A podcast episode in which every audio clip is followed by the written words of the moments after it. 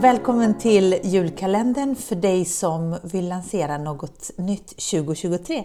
Mitt namn är Magdalena Bibik och vi börjar närma oss slutet av den här julkalendern. Jag hoppas att du har gillat den, jag hoppas att du har följt den, att den har gett dig bra insikter. Och det vi håller på med nu här i julkalendern är små snackbites. Vi skrapar på ytan på viktiga områden inom konceptutveckling. Men det finns en resurs som går in på djupet på allt vi pratar om och den heter The Blueprint. Det är onlineutbildning som jag länkar till show notes här där du kan få lära dig betydligt mer om allt vi pratar om här. Bland annat det som vi ska prata om idag. Och det är något som heter för pattern interruption. Det kallas för pattern interruption för det är ovanliga händelser som inträder i din kunds liv och då händer det någonting med dess eh, utrymme, benägenhet, vilja och förmåga att agera som till exempel att köpa någonting. Och nu är vi nära jul och jul är ju inte en pattern interruption, även om det är en, eh, en ovanlig eh, helg på året så och, och det händer julgrejer så är det så att julen återkommer.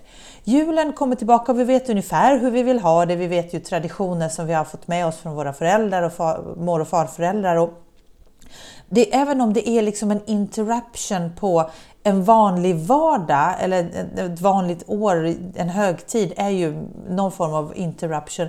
Men så är det ändå inte det som man pratar om utan pattern interruption handlar om att kunden gör någonting för första gången i vuxenlivet. Och till exempel när man köper sitt första hus eller när man får sitt första barn eller när man ska flytta utomlands och inte vet alls hur man ska anpassa sig till, till den nya situationen. När man köper sin eh, första bil, nu kanske någon som köper sin första elbil. När man drabbas av en tragedi tyvärr. Eh, när man byter karriär, när man helt byter bana och, och hamnar på något, någon form av ruta ett vad gäller ens förkunskaper och ska samla in kunskaper och information, ska lära sig någonting nytt. Jag personligen tycker att det är, bortsett från tragiska omständigheter förstås, det är ju aldrig roligt att jobba med dem. Eh, men, men ponera till exempel att någon då ska byta bana eller starta sitt första företag, det är ju en perfekt pattern interruption. Eh, det är en jätteläcker situation att jobba med för ofta så är kunden väldigt öppen för nya insikter och information och behöver mycket hjälp. Och är öppen för någon som, som man kan hålla i handen, någon som bringar kunskap och trygghet eh, och någon som blir ens långvariga guide. Och där, där, skapar man extremt lojala relationer om det, om det känns bra, om det finns kemi och, för, och förtroende. Så kan den här kunden vara din kund for life. Det som är lite läckert är att ofta så är den kunden eh, vuxen och kan mycket saker och mycket om andra saker. Men där är man nybörjare så att du möter kunden samtidigt på där kunden är van att kunna mycket om, om saker.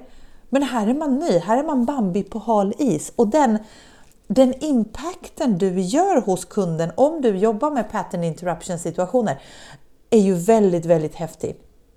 Jag menar de flesta kanske minns sin första mäklare som sålde eh, eh, som man köpte sin första, sitt första hem av eller, eller när man gifter sig, allt det där runt omkring som är någonting som man då kanske gör för första gången där allting är nytt och spännande och alla andra verkar kunna veta allt om det här. De människorna som fanns med på ens resa när man gjorde något sånt där stort för första gången de blir viktiga människor i ens värld även framöver. Och det är också de som man själv rekommenderar om det har gått riktigt bra. Så att jag kan tänka mig att den bästa rekommendations... Eh, om, om du vill jobba med rekommendationer, det bästa scenariot att jobba med det är just att jobba med pattern interruption.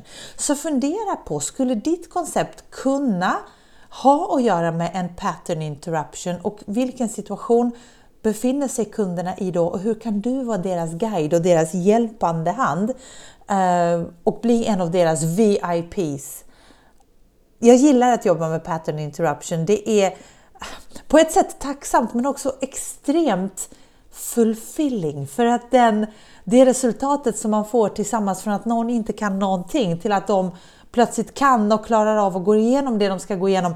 Det är riktigt, riktigt häftigt. Du märker säkert på mig att det här går jag igång på. Eh, men vi pausar där för idag och jag hoppas att vi hörs imorgon.